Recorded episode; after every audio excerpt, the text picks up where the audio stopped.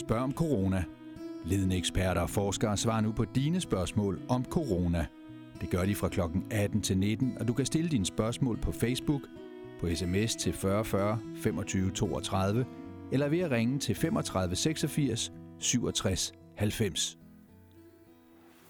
Velkommen til Spørg om Corona. Mit navn er Michael Friis Jørgensen, chefanalytiker i Almindelig Brand. Mit område er primært finansiering, pensioner og ja, generelt, hvordan folk skal, skal forme deres formuer. Og det er selvfølgelig det, jeg vil prøve at se, om jeg kan give nogle begavede svar på øh, over de næste 55 minutter. Så stil endelig nogle spørgsmål, og så må vi se, om vi kan besvare dem.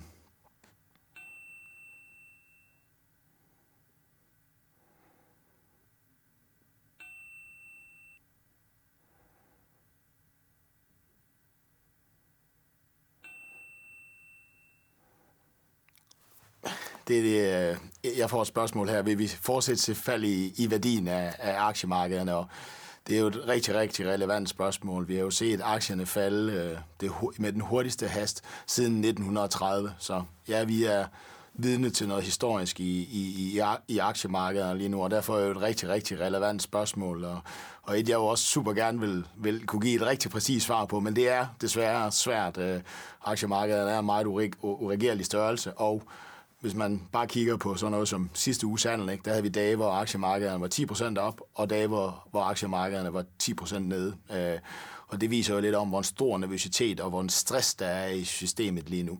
Skal jeg prøve at komme med, med, med, med, med, sådan en rimelig bud? Øh, jeg kan ikke sige om, hvordan aktier de nødvendigvis du ved, vil fortsætte øh, i morgen eller i overmorgen. Hvis vi prøver at kigge et år frem og prøver at kigge på de massive fald, vi allerede har fået, øh, så øh, og vi er cirka sådan næsten 30 procent nede på globale aktier, heldigvis lidt mindre på, på danske aktier, jamen så svarer det egentlig det, som vi, vi normalt falder, øh, når vi går ind i en recession, altså når vi går ind i en dyb økonomisk krise. Øh, det har vi i løbet af 20 dage øh, allerede priset ind i, i aktiemarkederne. Og ja, det er en skræmmende øh, udvikling, vi ser derude med, med, med, med verdener, der lukker ned, øh, Europa, der lukker ned, øh, og ingen tvivl om, at økonomierne bliver påvirket. Men vi sådan skal prøve at kigge igennem historien og prøve at sige, jamen, hvad koster sådan nogle du ved, økonomiske ned, nedture, trukken af sådan nogle chok, der kommer ind i økonomierne, jamen så er det cirka de 30 procent, vi allerede er faldet. Øh, det betyder ikke, at det ikke kan falde en lille bitte smule mere, men jeg tror, vi har set hovedparten af, af, af faldene, de er allerede kommet, og det usædvanlige er, at de er kommet med en hast, som, som, som, som jeg ikke har set siden 1930. Øh, og det skyldes jo nok, at jamen, man behøver jo bare at åbne øh, de daglige nyheder, så der er en ny skræmmende ting øh, på vej derude. Men, men det vi ligesom kigger på og kigger ind i og åbner vores lærebøger, øh, desværre står der ikke noget om, om coronavirus, fordi det er første gang, vi oplever den så, så fortæller det os, at vi er ved at have taget de fald, vi eventuelt skal tage. Ellers så skal, så skal vi tro på, at, at, at, at vi ikke får slået virus ned, øh, altså den her epidemi ned øh, relativt hurtigt. Vi skal tro på, at den igen kommer igen og igen og igen. Og det er der selvfølgelig nogen, der er fortaler for, men jeg synes også, hvis man kigger mod Kina, jamen så ser man jo rent faktisk, at det lykkes kineserne og relativt hurtigt få bugt øh, med, med, med, med, med coronavirusen. Så for mig fortæller det, at aktiemarkedet har, har været enormt øh, nervøst, lidt dysfunktionelt vil jeg kalde det, øh, de seneste øh, stykke tid, fordi det har været svært at handle, øh, og det er det, der har betydet noget af de store fald. Men jeg tror, vi er ved at have set de største fald øh, være derude, men om de skal stige eller falde i morgen, det, øh, hvis der er nogen, der, der mener, at de kan svare på det, eller svare dig på det, så, så skal du bare øh, løbe skrigende bort og, og smække døren i, hvis der er nogen, der prøver at fortælle dig det, fordi det ved vi ikke. Men, men sådan overordnet set, over en lidt længere periode, så tror jeg, vi er over de værste fald.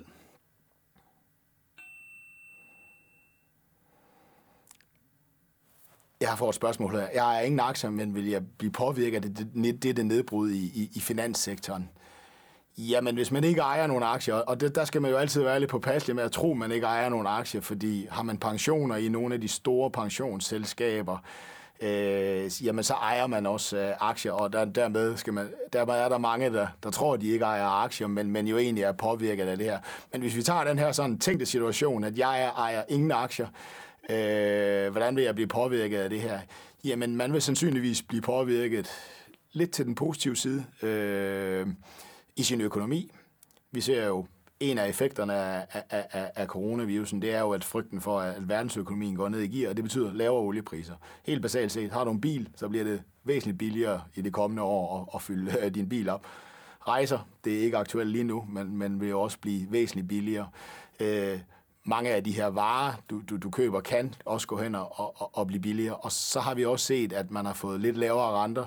Lige i dag øh, gik det desværre den modsatte vej på grund af, at, at folk slet ikke vil have noget med risiko at gøre, og selv danske sikre 30-årige obligationer, i vor, altså vores huslån, øh, som er noget af det allersikreste i verden, vil investorerne lidt fra. Men generelt vil du sandsynligvis også se lave renter. Det vil sige, ejer du en bolig, eller skal du finansiere et eller andet, vil du se, se, se, se, se billige renter. Så svaret er, at finanssektoren er ikke ved at styre sammen. Det var det, der skete i 2009. Det, der, det her det er en, det, der hedder en, en sundhedskrise og, og en krise sådan andre sektorer. Så svaret er, sådan det korte svar er, nej, du vil sandsynligvis se en positiv påvirkning i økonomi, hvis du slet ikke ejer, ejer aktier. Og så er der det her store men, at det er jo selvfølgelig, at hvis økonomien går ned i gear, ned i gear, jamen så er der jo fare for, at, at, at, at man mister sit job, og, og så mister man selvfølgelig de fordele. Men ellers så vil man sandsynligvis øh, opleve en positiv påvirkning i de næste år af, af, af, af coronavirusen i sin økonomi, hvis man slet ikke ejer nogen aktier.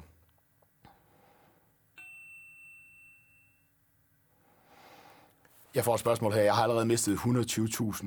Vil du beholde dine aktier eller sælge dem nu? Og, og der er vores svar lige nu, at, at det er sandsynligvis for sent at, at, at prøve at sælge dem. Øh, og dermed ikke sagt, at, at, at der ikke kan være lidt yderligere fald, øh, og, og det ikke gør ondt men det er sandsynligvis for sent nu at, at, at, at sælge sine aktier. Øh, fordi at vi har stort set allerede, du ved, investorerne og aktiehandlerne har stort set allerede sendt det derned, hvor, hvor verden går ind i en, i, i, i, i en nedtur, en økonomisk nedtur. Øh, og det er også en mulig scenarie på det her corona. Sandsynligvis relativt kortvarig i vores, øh, i vores optik. For der er det her specielle med sådan nogle udbudschok, øh, så, som det her, eller chok ind i økonomierne, som, som de her de er. De er grimme, de er nasty, de er rigtig, rigtig dybe, fordi at, at der, der, der sker noget pludseligt ind i økonomierne, og, og, og, og, og og der sker virkelig noget med økonomierne. Men de er relativt kortvarige.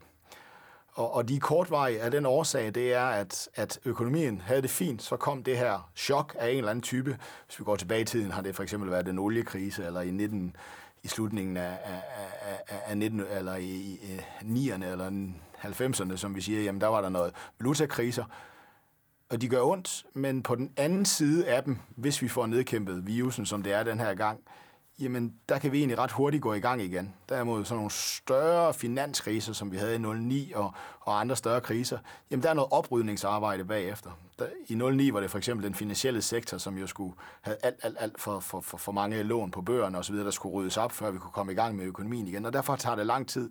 Når vi først får udryddet sådan en chok, du ved, og der ikke, eller, og der ikke er så meget at rydde op i økonomierne efter, så kommer vi ret hurtigt igennem.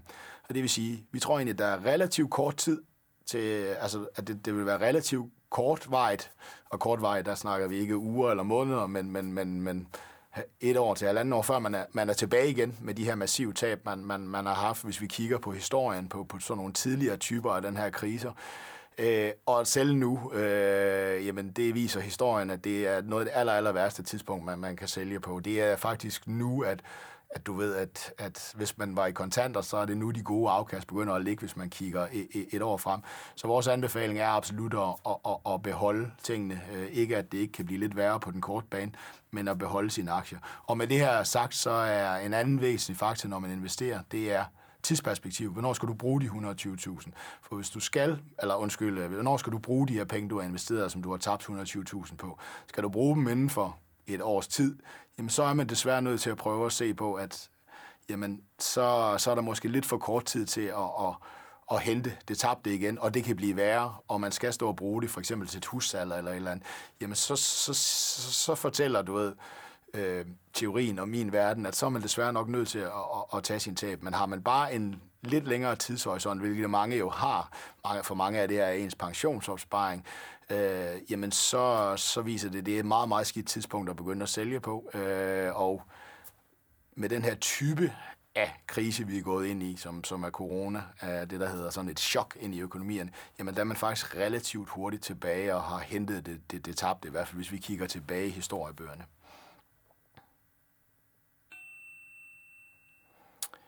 Jeg får spørgsmål, hvorfor stiger renten på realkreditten lige nu? Ja, og det er også øh, det er imod, du kan sige, den gængse, hvad vi har set igennem lang tid. Når verden er i krise, så falder renterne, og så falder vores øh, øh, boliglån også. Og det, er, det har også været en lang, lang øh, trend, eller hvad man siger. Det har været det her, som vi har set igennem lang, lang tid. Men i dag, der sker der simpelthen det her, som at, at investorerne begynder at kigge på, øh, på andre, altså de, de er simpelthen så risikoaverse. De, har, de tør ikke tage nogen risiko. Og, specielt, og, og, og, og nu bliver det sådan lidt, lidt teoretisk, men, men, men jo mere jo hurtigere og jo mere likvidt et marked, altså hvor, hvor man kan komme af med milliarder, øh, milliardvis af, af en bestemt øh, aktiv, og, og alle altid handler dem. Det, det er det mindst risikofyldte ligesom marked, fordi at man kan altid komme ud, hvis der er noget, der går galt. Og der er desværre amerikanske statsrenter og tyske statsrenter øh, osv., de er mere likvid, øh, og investorerne er simpelthen i dag blevet så bange for risiko. Altså de er blevet så skræmt af, hvordan aktiemarkedet har handlet, at i dag, der opgiver de også noget af det aller, aller mest sikre i verden, og det er danske boliglån. Øh, usædvanlig situation, det er ellers normalt noget af det, som, som man kører på, men, men vi er helt derude i, i den finansielle system, hvor der er så meget stress, at selv investorerne, de siger, amerikanske statsrenter, tyske statsrenter, det er det eneste, jeg vil ligge i. Og så sælger man de danske øh, statsobligationer. Det, at den amerikanske centralbank sænkede renten i går, burde tilsige, øh, som de gjorde både at sænke den, burde tilsige sådan, du ved, sådan rent i alle folks hoveder, at nu skal vores boliglån også ned i pris, og det er dejligt. Øh, det er jo en af de effekter, der kan ligesom gavne økonomierne og få skubbet det i gang, og det er derfor, de sænker renten. Men det gjorde også desværre, da den amerikanske endelig sænkede det ned mod 0, at finansiering ved at ligge mellem dollar øh, og, og, og, og yen øh, betyder faktisk, at der er mange investorer, der måske nu søger mod amerikanske statsobligationer. Det er meget, meget teknisk. Men den helt basale er, at investorerne er blevet skræmte også i obligationsmarkedet og ligger sig kun i de aller, aller mest sikre tyske og amerikanske statsobligationer. Selv det danske boligmarked, som igennem har stået igennem de værste storme igennem mange, mange år, og som er opfattet som noget af det aller, aller sikreste i verden, selv det vil de ikke rigtig længere røre ved i dag. Og derfor stiger de danske boligrenter, på trods af at renter egentlig falder ud i, i, i resten af verden. Så det er desværre en af, af konsekvenserne, og vi har set, at at du ved, drømmelån den halv er, er nu rigtig langt væk, øh, og, og 1%, hvis man låner 30 år, er, er lånet nu, og, og det tigger desværre op af. Så det har været, jeg sidder lige ved siden af nogle obligationshandlere, og de har oplevet en af de mest ekstreme dage, de har oplevet i ja, øh, mange karriere, hvis den er ganske kort, men, men vi skal helt tilbage til finanskrisen for at opleve noget. Så det er en meget, meget usædvanlig situation, og, og også lidt uventet, at, at lige pludselig så stiger de danske boliglån. Det var ikke øh, det, man måske havde håbet på, når, når renterne ligesom blev sat ned rundt omkring i verden. Men det er det, der er sket i dag.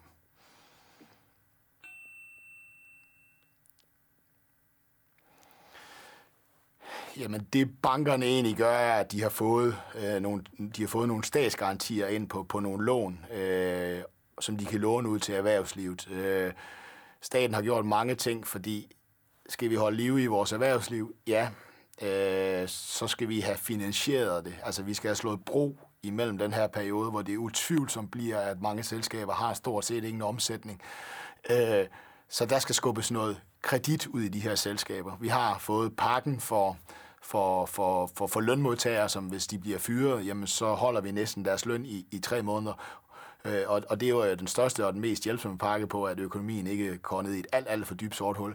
Men den anden del er, at vi skal, vi skal finde en masse måder, hvorpå vi kan finansiere de her selskaber, som jo mangler penge i måske 3 til seks måneder. Og et af dem er, vi har udskudt skatter og moms. Øh, en anden er, at man prøver at skubbe nogle specielle lånetyper ud i, i, i nogle banker, hvor man ligesom kan sige, at vi statsgaranterer lidt de her lån, og dermed bankerne skulle være bedre til at, og, og dermed bankerne kan låne det ud til, til de her selskaber, sådan at de kan få ikke bare udskudt deres skatter og deres afgifter, men også direkte kan gå ud og låne nogle ting.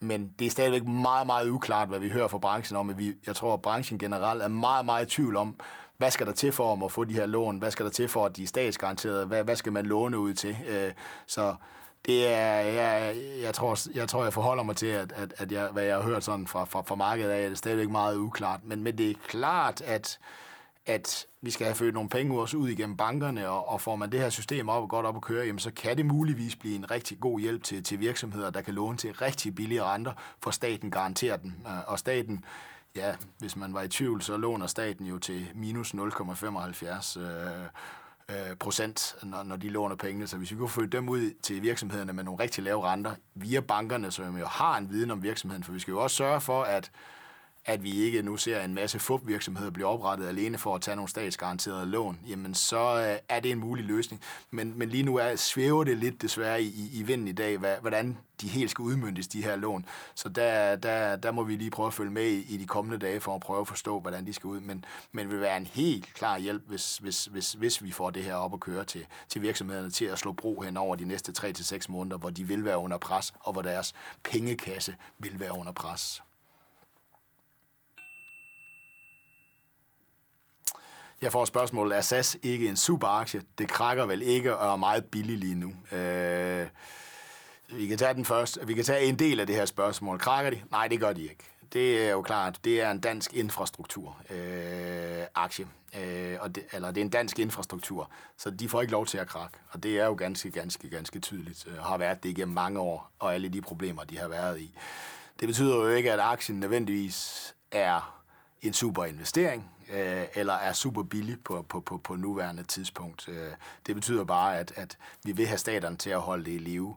Og der er det sådan, mange, mange der stiller det her spørgsmål. Jeg, jeg, jeg prøver at vende det rundt med, med nogle andre spørgsmål, og det er selvfølgelig måske lidt frækt, men det er, bliver stater ved med at yde, yde bare lån og, og kapital til de her selskaber, uden at vil have noget mere ejerskab? Altså det vil sige, skal aktionærerne ikke også stå for hvis vi skal redde de her selskaber.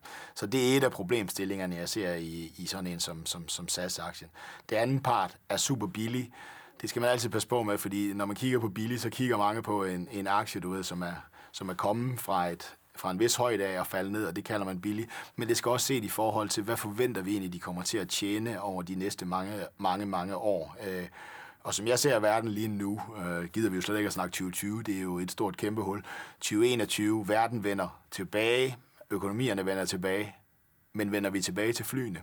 Har virksomhederne vendet sig til at holde videomøder, så vi ikke skal have alle de her forretningsrejsende igennem de her seks måneder? Vi har flyskam derude, øh, miljøhensyn, og der er slet ingen tvivl om, at at der er jo rigtig mange danskere, der har både været strandet øh, ude og rundt omkring i verden, og har hørt om folk, der er strandet, så, så optager vi egentlig den samme rejselyst, som vi jo har haft de sidste mange år, og dermed, at der er vækst øh, i, i, i de her flyrejser. Og et fjerde punkt, som jeg også har problemer med i, i, i flyaktierne, øh, det er, at hver gang, at der er gode tider, så tager de her lavprisselskaber og bruger de her gode tider til at konkurrere, fordi deres, deres mål er sådan set at være dem, der står tilbage, øh, og de har den laveste omkostningsstruktur. Så nu har jeg givet fire punkter, hvor, hvor, som, hvor det måske egentlig står meget klart, at ja, den er faldet rigtig kraftigt, og nej, øh, kan de lave nogle okay resultater, så, så, så, så kunne aktien virke billig, men, men, men det, er ikke, det er ikke min type af, af investering at, at investere i luftfragt, og det, og det har jeg aldrig gjort, øh, og det har egentlig holdt mig, mig, mig ganske godt. De, de, er en af de, de er en af den type af aktier, der har, altså luftfart generelt, som, som virkelig har har ødelagt værdier for, for aktionærer igennem de sidste mange, mange, mange, mange, mange år. Øh, og det er få steder, man har fundet værdier i den her sektor. Så ja, det er mit svar uden direkte at svare øh, på, om man skal købe eller sælge aktien. Kan verden gå konkurs? Øh, nej. Er, er det korte, Har jeg et spørgsmål her. Nej, er det korte svar. Og hvorfor kan verden eller, eller stater ikke ikke gå konkurs, det kan de også. Øh, du ved, det er altid et spørgsmål om, at øh, kører man med underskud, så er der nogen, der skal låne ind noget. Og er man Venezuela eller Argentina, så kan man gå konkurs. Men kan verden gå konkurs? Nej, det er meget usandsynligt, og det er det egentlig, fordi at vi mennesker kan gå konkurs, selskaber kan gå konkurs, og hvad er forskellen mellem os mennesker og selskaber og stater? Det er, at vi har ikke sådan en maskine stående nede i en, nede i central, altså nede i, nede i en kælder i, i, i noget, der hedder Nationalbanken, og kan trykke penge. To, vi kan ikke som selskaber eller mennesker, medmindre vi øh, er nogle hårde typer, gå ud og sige til folk, betal noget mere. Og det kan, det kan stater via skatter. Så det er ikke godt, det vi har set igennem de sidste mange år, at stater bliver mere og mere og mere gældsatte. Og det er et, et problem, øh, som på et eller andet tidspunkt, der skal ryddes op på. Men, men Altså et godt eksempel er, er jo Japan, som, som skylder omkring, jeg mener, det er 360 procent af deres bruttonationalprodukt, og det er stort, øh, deres bruttonationalprodukt, ikke? Øh, og bliver ved med at vokse. USA vokser også. Og det er i realiteten ikke noget problem, for investorer ved godt, at de har en, de kan selv trykke penge, og de kan gå ud og virkelig være hårde ved folk og sige, øh, ja, vi har underskud, øh, vi mangler penge, og så udskrive skatter. Og derfor er det meget, meget usandsynligt, at, at verden kan gå konkurs, og det er et kæmpe problem, og noget, man skal frygte, at de her mange, mange, mange store hjælpepakker, som utvivlsomt kommer fra hele verden af, er noget, der du ved, virkelig får skubbet os ud over kanten. Det er vigtigt, øh, og, og, og mange af de her hjælpepakker, og jeg tror, der er mange folk, der måske har svært ved at forstå, skal staten virkelig nu ind og hjælpe selskaber igen? Og ja, det skal de, fordi at hver investeret krone i at undgå en stor økonomisk nedtur, kommer nogle gange visse investeringer op til 100 gange igen. Simpelthen det, at vi ikke får den her destruktion af værdi, hvor alting ryger ind i en, i en, i en nedadgående ond spiral øh, i økonomierne, så kan det være god idé at investere, ligesom vi gør nu 5 milliarder i, øh, i løntilskud til medarbejdere. Det er måske en investering, der kan komme mange, mange, mange gange igen, hvis vi undgår de her nedture.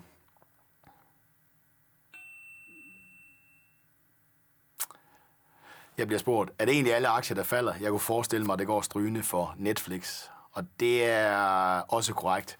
Det er stort set alle aktier, der falder. Øh, fordi det, det, det, vi ser lige nu, det er, det er et udsalg øh, af gode og dårlige aktier. Man vil simpelthen ikke ligge i aktier. Investorerne rundt omkring i verden søger mod sikker havn, som er de amerikanske statsrenter, eller statslån, tyske statslån, og derfor kan man ligesom sige, gode selskaber klarer sig lidt bedre, men stadigvæk falder, hvorimod du kan sige sådan lidt, lidt selskaber, vi er lidt i tvivl, eller som er meget afhængige af verdensøkonomien, falder ind i mere. Så det er rigtig, rigtig svært at finde aktier rundt omkring i verden, som, som egentlig er sten i den her periode, når vi ser så massivt et udsalg, og der er så stor usikkerhed. Netflix er faktisk en af dem, jeg kan ikke lige jeg ved ikke, jeg, jeg kan ikke lige huske kursudviklingen øh, inden for de sidste par dage, men er stort set en af dem, som har holdt sig godt. Og hvorfor er Netflix, øh, hvis vi kender det, det er jo den her tv-tjeneste, og det er jo fordi, de ligger i en kategori, der hedder stay at home. Altså, der er en kategori af det, der hedder stay-at-home-aktier. Nogle ting, som vi kommer til at gøre meget, meget mere, mens coronakrisen, øh, du ved, øh, holder os inde i vores, øh, inde i vores hjem. Øh, og der er Netflix et, øh, et, et, et, et, et eksempel på sådan en aktie, der har klaret sig rigtig, rigtig, rigtig godt øh, i forhold til alle mulige andre aktier. Andre aktier og kategorier, som, som, som, som, som, som, som investorerne har belønnet, er, er sådan noget, som laver video, øh, møder, tjenester hen over nettet. Altså virksomhederne kan holde telekonferencer, kan mødes rundt omkring i hele verden med både deres kunder og det. Og der er sådan en amerikansk aktie, som er noget, der hedder Zoom med et sæt. Øh, en af verdens største og by, nylig børsnoterede selskab, som, som leverer den her tjeneste. Og ja, deres mål er egentlig, at online-møder øh, skal være bedre end, øh, end, end, end, end real-life møder i, i fremtiden. Det er for eksempel en aktie, som, som, som jeg mener er oppe, var i hvert fald indtil vi så nogle massive fald i, i, i sidste uge. Så det er en af de her steder, hvor, hvor aktiemarkedet siger, verden er ikke den samme, når vi kommer ud af, af, af coronakrisen. Og der er nogle enkelte aktier, der falder ned i den her kategori, men de er meget, meget, meget svære at finde, fordi generelt er der et massivt udsalg af, af alle aktier, gode såvel som dårlige. Pharma, altså medicinalaktier, bliver også solgt ud, og det kan godt virke lidt mærkeligt, fordi det er jo ikke nogen, der rigtig kommer til at, at mærke det her, og der er endda nogen, der vil have en gavnlig effekt af det her. Nogle af de mest stigende aktier er selvfølgelig de her biotech-selskaber, som muligvis har en, en, en, en, en løsning på, på corona, altså eventuelt en vaccine liggende i pipeline. Men det er meget, meget få, og, og derfor meget, meget, meget svært at gå ud og finde de her aktier, som, som, som, som i reelt er positivt, når, når investorerne simpelthen bare flytter sig ud af aktiemarkedet og over i de mere sikre markeder, så bliver ravl og krat simpelthen solgt fra, undtagen nogle meget, meget få aktier, hvor vi lige kan pege, ved du hvad, de her, de får altså gavn, og de får gavn igennem lang tid, for vi kommer til at ændre vores vaner, også når vi er ude af, af, af coronaens øh, skygge her, altså når vi forhåbentlig har fået slået det ned. Øh.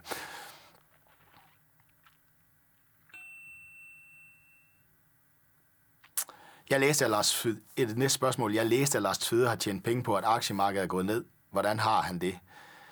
Jamen, der findes en, en måde at, at, at tjene penge på, når, når aktier falder, og det er noget, som hedder short selling, eller at man går kort i markedet. Og helt basalt foregår det på, på den her måde, at han går ud og, jeg har en aktie, og du ved, jeg er en stor pensionskasse, jeg er egentlig lidt ligeglad med, at du ved, at, at aktier, du ved, de, alle siger, at de her, de skal ned. Jeg ligger her de næste 10-15 år. Så betaler han mig, mig som en pensionskasse, så betaler han mig en lille en rente, og så låner han den her aktie. Han skal levere den tilbage på et tidspunkt, altså aktien, og så låner han den aktie. Så går han ud og sælger den i markedet. Øhm, det vil så sige, nu har han lånt den af mig, men han har solgt den i markedet. Så satser han så på, at når jeg så kommer om 6 måneder og siger, at jeg skal have min aktie tilbage, at kursen er faldet, fordi så går han ud og tager de penge, han fik, da han solgte aktien, øh, som han har lånt af mig, øh, og så køber han nøjagtigt den samme aktie tilbage, og så siger han, værsgo, øh, her er den tilbage. Og så har han simpelthen tjent på, at aktien er, er falden i den mellemliggende periode, fordi han solgte den jo, mens den var høj, og køber den nu, mens den er lav. Og det eneste, han har betalt, det er, at han har betalt mig en lille rente, øh, som, som pensionsselskab for eksempel, for at, for at låne ham øh, den her aktie. Så det er måden, man gør det på. Det hedder short spekulation, eller at gå kort i markedet. Det har mange begreber, men generelt kalder man det det, der hedder short selling, eller short salg af, af aktier. Og det er sådan den helt overordnede måde, hvordan det foregår på. Der findes også nogle papirer, hvor med man kan gøre det, hvor der er nogen, der gør det for en. Øh, og ja, han fik timet det rigtig, rigtig godt. Øh, er det noget, mange private så dermed skulle burde springe ud i? Næppe. Fordi aktiemarkedet, hvis vi kigger over de sidste 100 år, har cirka givet 7% i afkast om året. Så det har du mod dig, hvis du går ud og gør det her. Det er, jeg ved godt, at i perioder falder de, men sådan over 100 år er de steget cirka 7% om året. Så det, det imod dig. Det vil sige, hvis du går ud og gør det her, så har du sådan historisk 7% imod dig. Så skal han betale mig en rente. Og jeg har sagt en lav rente, men hvis man er en privatperson, er det også cirka mellem 6 og 7 procent, det koster en at gøre det her. Så du, du starter med at være 14 procent bagud, og derfor skal du være meget, meget sikker på, at du har ret, øh, når du gør det her. Og Lars Svede ved præcis, hvad han gør, og han ved også, hvilken risici han tog på sig. Han ved også, at det ikke er lykkes for ham alle gange, det her, øh, når han har shortet. Og derfor er han en af, du kan sige, den investortyper, der kan der, der måske bør gøre det her, men, men for de fleste giver det at, at gå kort i markedet eller prøve at spekulere på faldende renter ikke noget, øh, ikke, giver det ikke ret meget mening, for man skal være så præcis på, hvornår man gør det, ellers så har man øh, allerede næsten tabt på forhånd.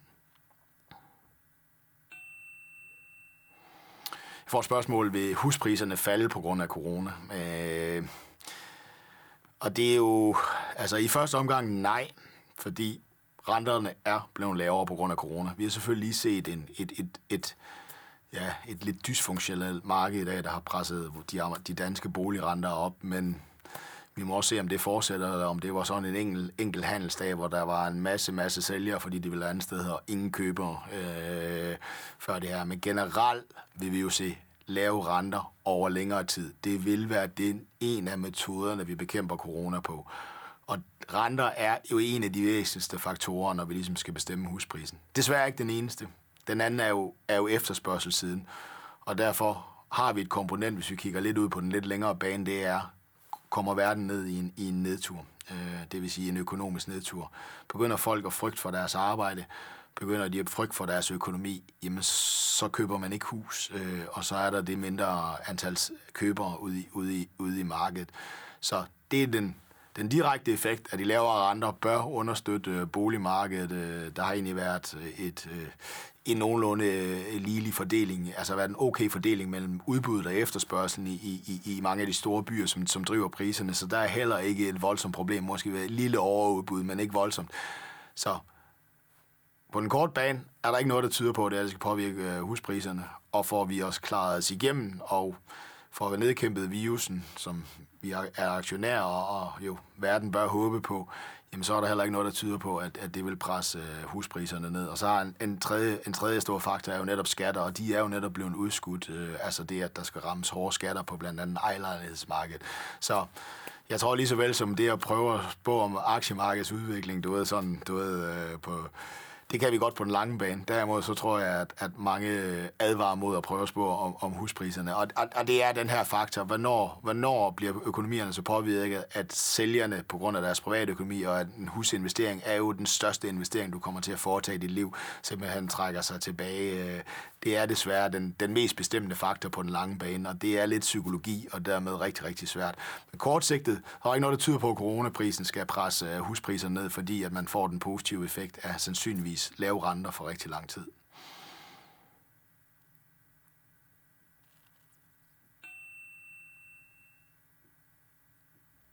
Jeg får et spørgsmål, hvad kan også små erhvervsdrivende gøre for at holde os oven vande? Jeg har en butik, men der er jo ingen kunder. Og det er, det er jo desværre virkeligheden for, for, for, for rigtig, rigtig, rigtig mange erhvervsdrivende lige nu. Øh, øh, og det er jo meget, meget, meget svært at nå at omstille sig i den her meget korte periode. Altså, det er jo det her også, aktiemarkederne er jo falden med så sindssygt hast, fordi at det her, det er jo væltet ind over. Der er jo ingen, der har kunne forudse det. Der er jo ikke rigtig, der er jo mange små erhvervsdrivende, som er startet op øh, for nyligt, øh, og ikke rigtig har fået opbygget en, en, en pengekasse. Og det gør det jo rigtig, rigtig, rigtig frygteligt. Øh, eller det, det, gør, det sætter dem i en svær situation, at man har egentlig ikke rigtig haft mulighed for at forberede sig på det, man har ikke rigtig haft mulighed for at omstille sig. Skal man prøve at sælge på nettet eller sådan noget. Så det, mit, mit, mit svar er lidt ligesom til aktionærerne, at man bliver nødt til at prøve at svede den her ud, og håbe, at den bliver ganske, ganske, ganske kort, altså relativt kort vej. Øh, og øh, og, og det er jo svært, hvis man sidder med huslejer og, og, og lønninger. Øh, og man må jo også sandsynligvis til at prøve at tilpasse sig, øh, du ved, hvis, hvis man har, har medarbejdere. Det er jo det, vi desværre ofte kommer til at se også i, i, i en periode.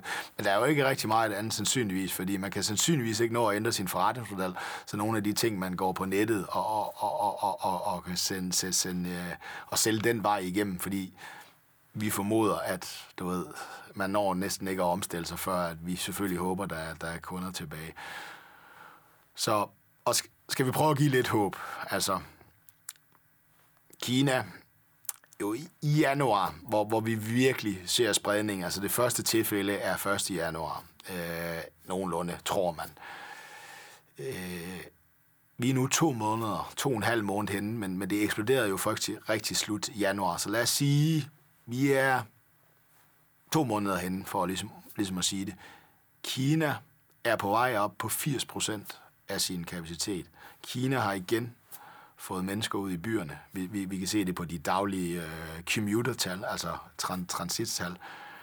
Og nej, du kan ikke se det i nøgletallene, som lige nu er forfærdelige, men Kina er i løbet af to måneder næsten op på 80 procent af sin, øh, af sin normale aktivitetsniveau, når vi måler på sådan noget som kulforbrug, elektricitet, øh, hvor mange flyrejser er der internt, hvad er der af bilkører i, i de større byer, som er sådan nogle dag-til-dag-tal, vi økonomer sidder og følger.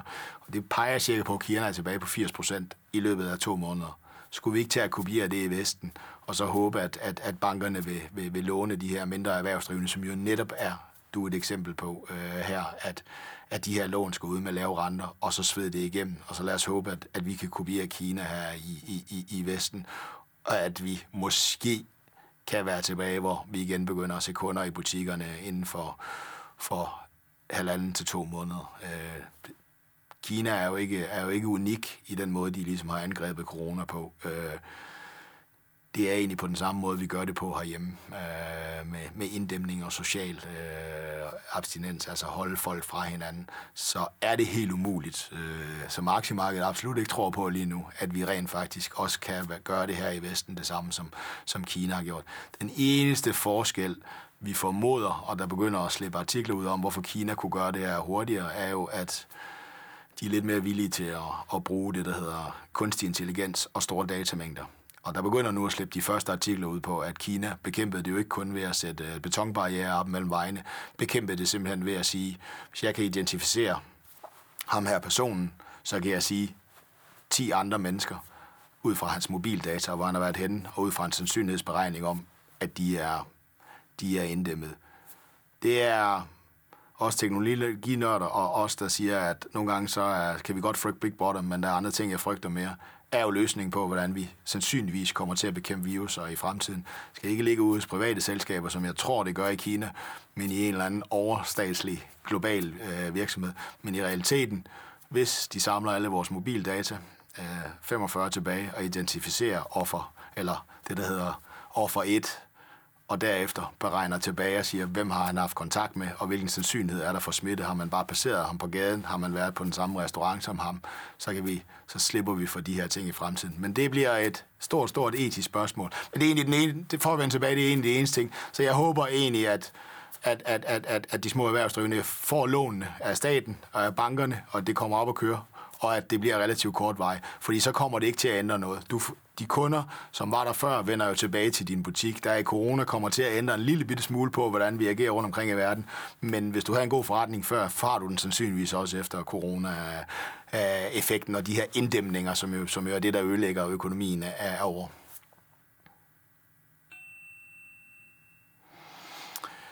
Jeg får spørgsmål, tror du, jeg har set det værste endnu? Øh, og det er jo sådan lidt et åbent spørgsmål, men hvis jeg skal snakke om de finansielle markeder, har vi set øh, den værste smittespredning? Absolut ikke. Amerikanerne er begyndt at teste nu, det vil sige, de kommer ind i den samme kurve, som vi gør. Har vi set det værste her i Europa?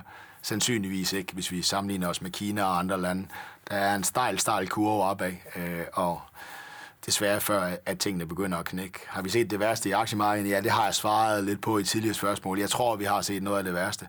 Har vi set det værste i nyhedsstrømmen omkring økonomiske data øh, og virksomheder, der kommer ud og fortæller, at de tjener slet ikke lige så mange penge, som de har tjent før? Absolut ikke. Vi har haft to selskaber ude i dag og sige, DSV og William Demant, øh, vi lovede jer noget ved årets start det er sløjfet nu, og vi kan ikke fortælle jer, hvad det bliver. Og det bliver stort set alle selskaber i verden, der kommer ud med den samme melding her på den korte bane. Og de økonomiske nøgletal går ned i et dybt sort hul. Og det er jo normalt et tegn på, at vi er på vej ind i en dyb krise. Men netop fordi det er sådan et chok ind i økonomierne, jamen så ved vi det egentlig godt. Vi ved godt, at selskaberne simpelthen ikke kan, kan ved, hvad de skal tjene, for de ved ikke, hvad de stiger ind i. Det er ubekendt. Men til gengæld plejer det også at være sådan, at, at når vi så har det bekæmpet, jamen, så vender vi ret hurtigt tilbage med tingene. Så jeg tænker, det bliver absolut værre på nyhedsstrømsfronten, både på smittespredning, på de økonomiske nøgletal, på de meldinger, vi får fra virksomhederne af over, over den kommende tid. Formodningen er, at aktiemarkedet, vores formodning er, at det har priset det her ind. Du ved, det er en af de her mekanismer, der ligger i aktiemarkedet. Det er, at, øh, at vi prøver at være forudtid. Det gør vi altid, og 8 ud af 10 gange får vi ikke ret den her gang. Øh, ser det måske desværre ud til, at vi fik lidt ret i, at det her det blev værre, end øh, vi lige ventede. For der er ingen tvivl om, at nyhederne bare de sidste tre dage, jamen de har jo overhaldt de værste pessimister øh, rundt omkring i, i hvert fald i, i Europa. Så det værste, nej, absolut ikke over øh, på, nyheds, på nyhedsstrømmen. Øh, det kan man lige så godt sætte sig tilbage. Er du aktionær, så ved, at alle ved godt, at nyhederne de kommende dage, eller de kommende tid bliver rigtig, rigtig slemme. Og den helt store ubekendte faktor er spredningen i USA, og hvor meget de skal gøre for at inddæmme den. Men de er først lige begyndt at teste, og derfor ved vi også, at nyhederne derovre bliver, bliver sandsynligvis relativt øh, skidte den kommende tid.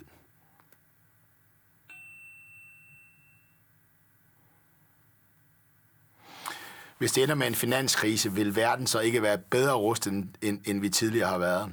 Jo, det vil det øh, fordi at noget af det aller, aller mest dræbende, og derfor at, at krisen var så dyb i 09 og krævede så kæmpemæssige tiltag fra verdens centralbanker og stater rundt omkring i verden at komme ud af den, det er, at når banksystemerne fryser til, altså den måde, hvor, hvor med vi, vi lader penge glide rundt omkring i verden. Og det er bare de værste kriser. Det er lidt den, vi også så i 30'erne. Altså, du ved, en af de her, vi kalder finanskrisen, en af dem, vi forhåbentlig kun oplever en gang ja, hvert århundrede det er de værste af typer af kriserne. Og der er vi ikke den her gang.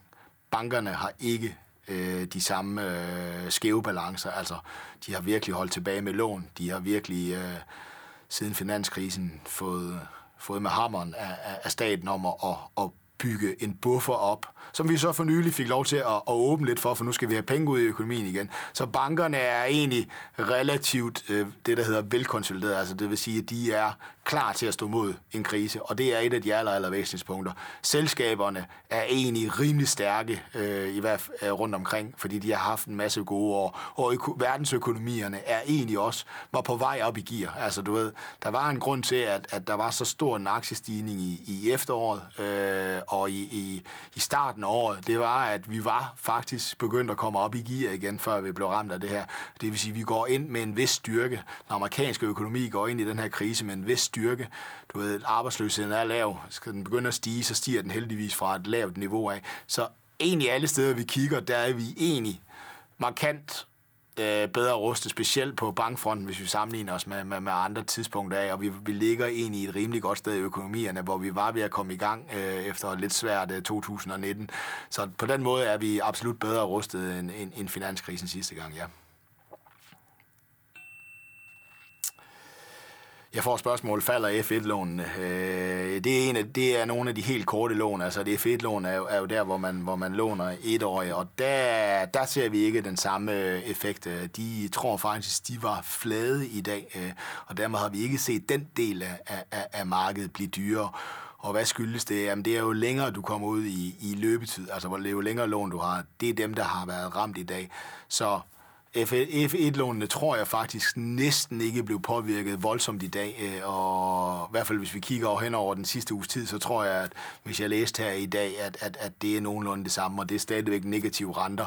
Alene på rentesiden, så er der selvfølgelig gebyrerne ved siden af. Så, så de er ikke så påvirket af, af det, det, det, det for boligejerne, eller nogen, der skal ud og låne en grimme øh, situation, vi så på, på de lange, fastforrentede 30-årige lån i dag. Så, så det er, de, de ser ud til at lægge relativt stabil, men lige nu venter vi hele tiden og sidder og kigger i markedet på, hvor falder investorerne næste gang hen over et eller andet, som de ikke bryder sig om. Så det er udstedet garantier, når, når, når der trods alt er så meget stress ind i, øh, i systemerne, er rigtig, rigtig svært øh, at, at, at, at sidde og gøre.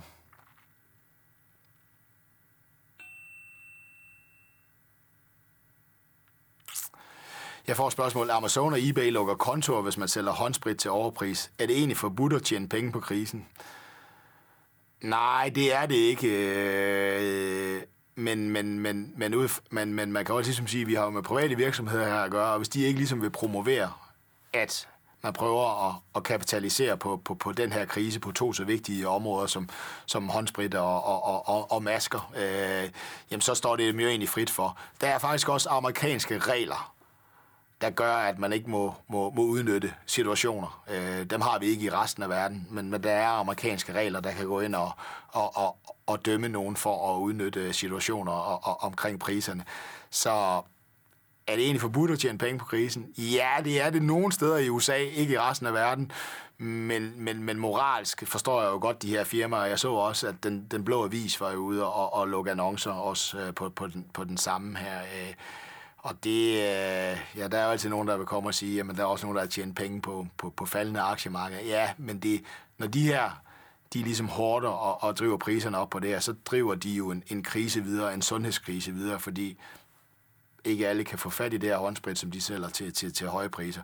Og derfor er det her måske et af de steder, hvor jeg synes, det er rigtig, rigtig fornuftigt, at selskaberne har slået hårdt ned, myndighederne slår hårdt ned øh, på, på det her, og, og jeg kan jo ikke sige, at, at du ved, at, at jeg, jeg, jeg er sjældent blevet så rystet, som om, at der var nogen, der stormede et hospital og stjal det i dag. Altså, jeg kan ikke... Øh, jeg er mod ikke normalt mod, mod hårde straffe, men jeg kan ikke helt forestille mig, at øh, hvorfor man ikke bør straffe det rigtig, rigtig, rigtig, rigtig hårdt. Vi har en sundhedskrise. Vi har en situation, hvis hospitalsansatte ikke får afspredelse, så, så dør man. Øh, så, så betyder det liv. Øh, så, så her er jeg jo jeg fortæller, at det ikke er forbudt i, i det meste af verden, men mange private virksomheder vil jo ikke stå mål eller stå, stå til det her, og visse steder i USA er det, men, men moralsk. Ja, der er nogle steder, man kan tjene øh, på, på en krise, hvis, hvis man kan gøre det uden at, at, at påvirke andres liv, og det kan man absolut ikke her, så, så, så, så, så jeg forstår udmærket, de private virksomheder ligesom lukker ned for, for hvad nu det hedder, for, for, for den her type af, af, af måde, måde at prøve at tjene på krisen på.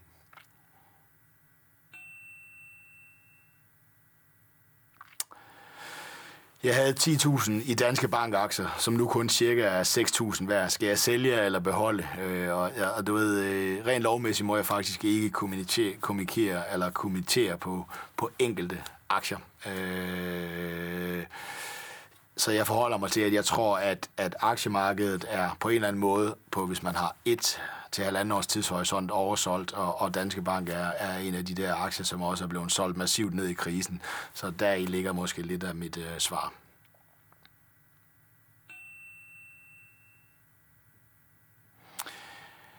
Jeg får et spørgsmål. Kan det anbefales at investere i medicinalvirkere, der arbejder på en vaccine?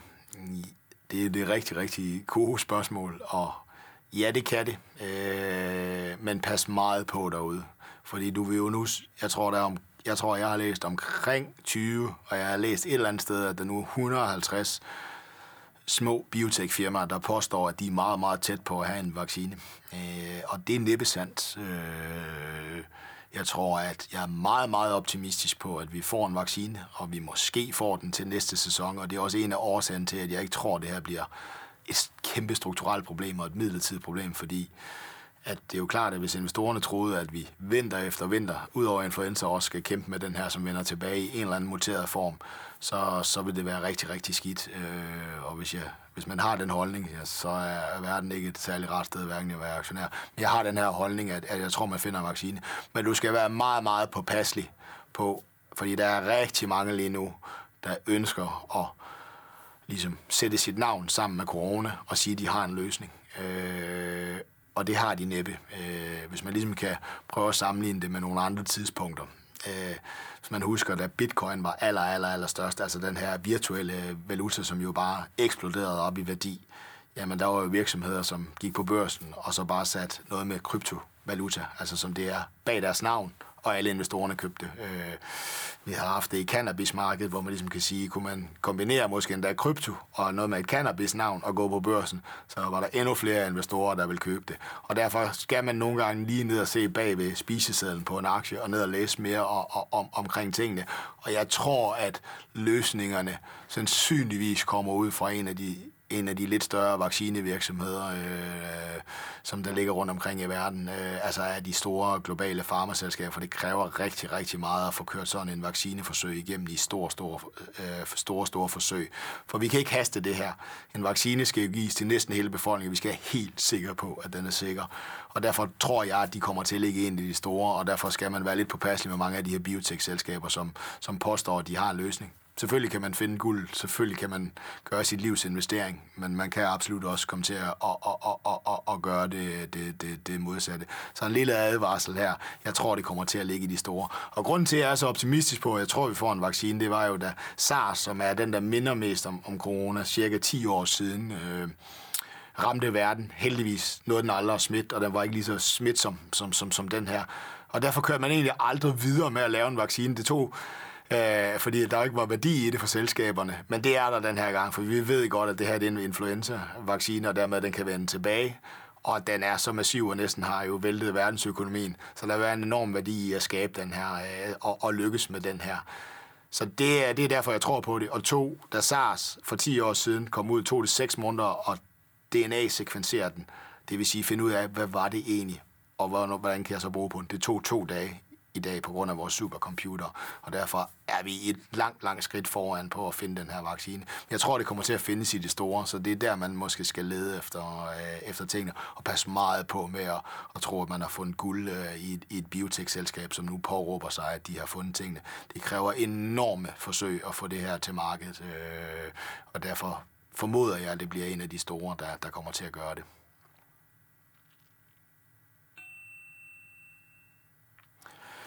Hvis ens pension står i kontanter midlertidigt, midlertid, hvilke aktier geografisk skal man så gå ind i, når man tror, at markedet vender? Jamen, øh, det er jo sådan et, øh, og her har jeg jo ikke fået, hvad skal jeg gøre i morgen, hvis man tror, at markedet vender. Øh, geografisk, øh, jeg vil faktisk skyde på, at normalt har mange glemt Kina og den region derude. Men vi må bare sige, at de er nemmere igennem den her proces. Og det vil sige, lige nu, så ser det ud som om, at der flyder flere penge ind, og, og du har jo det helt utrolige, at Kina, som startede det her aktier, er stort set ikke faldende i år, og der flyder penge ind lige nu, fordi at det er en af de regioner, hvor man ligesom kan sige, jamen, her ved vi, at økonomien kommer i gang igen, for vi har slået øh, vaccinen ned. Så det er sådan en region, man kan kigge på. Ellers så er Europa også blevet ekstremt billig, så hvis man, hvis man tror, man kan time det, når vi er, når vi at købe aktierne, når, at, øh, når tingene vender. Altså, at, fordi Europa er lige nu epicentret. Så hvis man prøver at time sit køb, øh, når man tror, at tingene vender her, så, så er det sandsynligvis Europa. Fordi Europa er blevet helt sindssygt billigt, og det er der jo en årsag til. Vi er epicentret lige nu. Vi er os, der er problemet. Men vender tingene, og det er fordi, at vi får bukt med smittespredning, så vil der sandsynligvis være lidt mere øh, gevinst ved at hente i Europa. Så det er den geografiske fordeling. Skal vi ligesom kigge på, skal jeg dybe tæerne i aktiemarkedet lige nu, eller skal jeg gå ud og investere øh, over de næste seks måneder? Så er verden blevet skræmt nu. Verden, investorerne er bange. Investorerne ved ikke rigtig, hvornår det her vender. Og der er én ting, som vi ved har virket, når vi så kigger tilbage i historien, øh, som investorerne sandsynligvis køber som det aller, aller første, øh, når de skal prøve at ligesom gå ind i markedet igen og prøve at få markederne opad igen. Det er det, der hedder kvalitet. Øh, og kvalitet, det er meget, meget diffust øh, emne, det ved jeg godt, men det betyder, at man er stor virksomhed, som har vist sin forretningsmodel, virker over rigtig, rigtig mange år. Altså over de sidste 20 år har man ligesom vokset tingene. Man har en meget, meget stærk balance, det vil sige, man har ingen gæld, fordi, og det har vi ikke rigtig været inde på, men en af de steder, hvor det gør rigtig ondt i det finansielle system lige nu, og hvor, der er rigtig, hvor, hvor, hvor investorerne er lidt bange, og vil, det er, når de skal låne penge ud til virksomheder, vi det virksomhedsobligationer. Så stærke balancer, ting, der kan stå, hvis det her det var længere, er også noget, som, som, hvad nu det hedder, som investorerne vil gå ind i som noget af det første. Så det er sådan noget som kvalitet, og det er de store selskaber med store, stærke balancer. Så det er der, man skal kigge ind i. To, hvis man, det er sådan en type af selskaber. Jeg vil kigge på teknologi også. Teknologi bliver aldrig billig. Teknologi vokser, selvom verden ikke rigtig vokser. Og teknologi er sandsynligvis løsningen på, på nogle af de her ting. Og noget af det, vi flytter os over imod, øh, nu når vi ikke helt vender tilbage til den samme verden. Vi begynder at holde videomøder og så videre, vi begynder at arbejde på en anden måde. Vi, vi bliver måske kommer ikke lige så meget ud at rejse og så videre. Vi forbruger andre ting, og der ligger teknologi sandsynligvis rigtig godt. Og nej, det har måske ikke fået helt så store stryg som andre dele af aktiemarkedet, altså er falden er heller ikke ikke billigt, hvis man sammenligner med andre, men det har det aldrig været. Så teknologi var også en af de steder, jeg vil, jeg vil gå ind i, øh, og er en af de steder, hvor når verden er i slæbegear, så er det nogle af de selskaber, der vokser og dermed bliver belønnet øh, med det. Og det, det kan vi jo muligvis frygte, at verden ikke helt kommer op og, og buller afsted igen efter coronavirusen her. Og tre, så er der lidt af den kategori, som hvis man har fuldt programmet her, det der hedder stay at home. Men, men, men der er andre kategorier. Hvordan bliver verden en lille bitte smule anderledes, nu når vi er ude af den her krise? Hvordan har det her påvirket os psykisk? Hvordan har det påvirket måderne, hvorpå vi agerer og laver forretning på? Øh, og der er der nemlig sådan noget som stay at home, altså sådan noget som videokonferencetjenester øh, for virksomhederne. Øh, der er sådan, hvis man flyfter sig helt op i helikopteren og bliver sådan nærmest filosofisk, så har vi nu fundet ud af, at den verdensorden, vi har bygget op i de sidste 25 år, hvor Kina med det samme kan levere varerne til os, og at vi aldrig har oplevet det, at de forsyninger kan blive afbrudt, det var forkert. Virksomhederne har påtaget sig for stor, stor risiko i deres forsyningskæde ved at gøre det på den her måde, som vi har gjort de sidste mange år. Og er der en teknologisk løsning på det? Ja, det er der. Det hedder 3D-printning i gamle dage, da det sidste gang var et kæmpe tema i aktiemarkedet, og aktierne blæste op i den her sektor, der formåede vi aldrig rigtig at lave enten de her nikkedukker, eller der var en forretning hernede i, i København, hvor man kunne få printet en kopi af sin egen ting. Men nu printer vi metal, nu printer vi stål, nu printer vi reservedele til skibe. Øh, og det er sandsynligvis, at verden kommer nu til at erkende, at vi kan ikke få hele produceret alt, alt, alt for langt væk. Vores forsyningskød er for tynd, og det betyder for eksempel sandsynligvis sådan noget som, som 3D-printning bliver en del over de næste 10 år, virksomheder må til at se på, for simpelthen ikke at være for sårbare. Så det er sådan en tredje kategori, man kan kigge på. Er verden anderledes, en lille bitte smule anderledes øh, end i morgen? Så det er sådan de der tre temaer, jeg siger. Et, hvis man vil ind nu, sørg for, at der er kvalitet bag det, du køber. Og med kvalitet, der har jeg sådan lidt forklaret stærke balancer. To, og egentlig noget, man ønsker at lægge med. Teknologi er absolut også noget, jeg tror, man skal kigge på. Og 3, det er som prøver at kigge fremad. Hvordan bliver verden en lille smule anderledes? Det er sandsynligvis hernede de største afkast kommer til at ligge, hvis man bliver rigtig dygtig til at finde ud af, hvordan kommer verden til at ændre sig en lille bitte smule, og er der ikke andre, der har opdaget det. Så det er sådan tre ting, som jeg vil arbejde med øh, som, som, som investor, hvis jeg gik ind.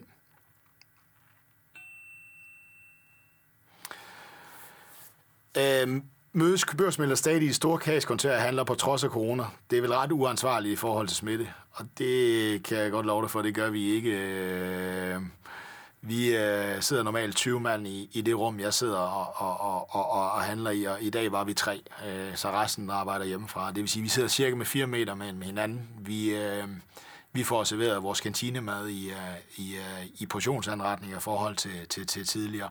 Så stort set hele banksektoren har sendt folk hjem øh, og har lyttet til, til, til, til statsministeren. Og det er snart min tur til at arbejde hjemmefra, så der er nogen, der kan komme ind og, og lave nogle ting, øh, som man kun kan lave på sin arbejdsplads, sådan at vi har plads til det. Så det kan jeg love for, at hele banksektoren har virkelig øh, lyttet til det her. Og jeg tror, hvis man ser billeder fra nogle af de der store handelslokaler fra, når TV2 og sådan noget sender, så er det gamle, gamle optagelser, eller en falsk baggrund, der kører, de er totalt tømt af dem her.